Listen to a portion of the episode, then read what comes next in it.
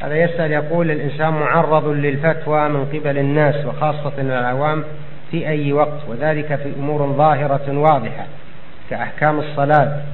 فهل للإنسان أن يفتي في مثل هذه الأمور؟ نعم إذا كان الأمر واضحا فلا مانع. إذا سألك سائل يقول الزنا حرام ولا حلال؟ تقول الزنا حرام. منكر بإجماع المسلمين هذا ما يختلف في أحد. أو يسأل عن الخمر أو عن المسكرات. أكل فيها حرام بإجماع المسلمين.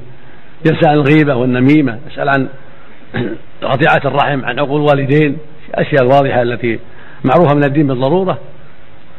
كل المسلمين يتعاونون في منعها والقضاء عليها. كل المسلمين. معاربهم وعامتهم. لكن مسائل تحتاج إلى علم تحتاج إلى بصيرة. لا يتكلم فيها العامي ولا يفتي فيها إلا بعد سؤال أهل العلم. لكن أمور ظاهرة معروفة للمسلمين عامتهم وخاصتهم هذا لا لا يجوز للإنسان أن يتساهل في هذا الشيء أو يتوقف. يجب أن يقول ما يعلم أنه معروف وظاهر ومجمع عليه بين المسلمين ليس فيه نزاع ولا شبهة. فلو قال له قائل وش تقول في الخمر؟ يتوقف؟ ما يتوقف. الخمر حرام ومنكر بإجماع المسلمين. وهكذا إذا سأل عن بر الوالدين واجب ولا مو واجب؟ العقوق حرام ولا مو حرام؟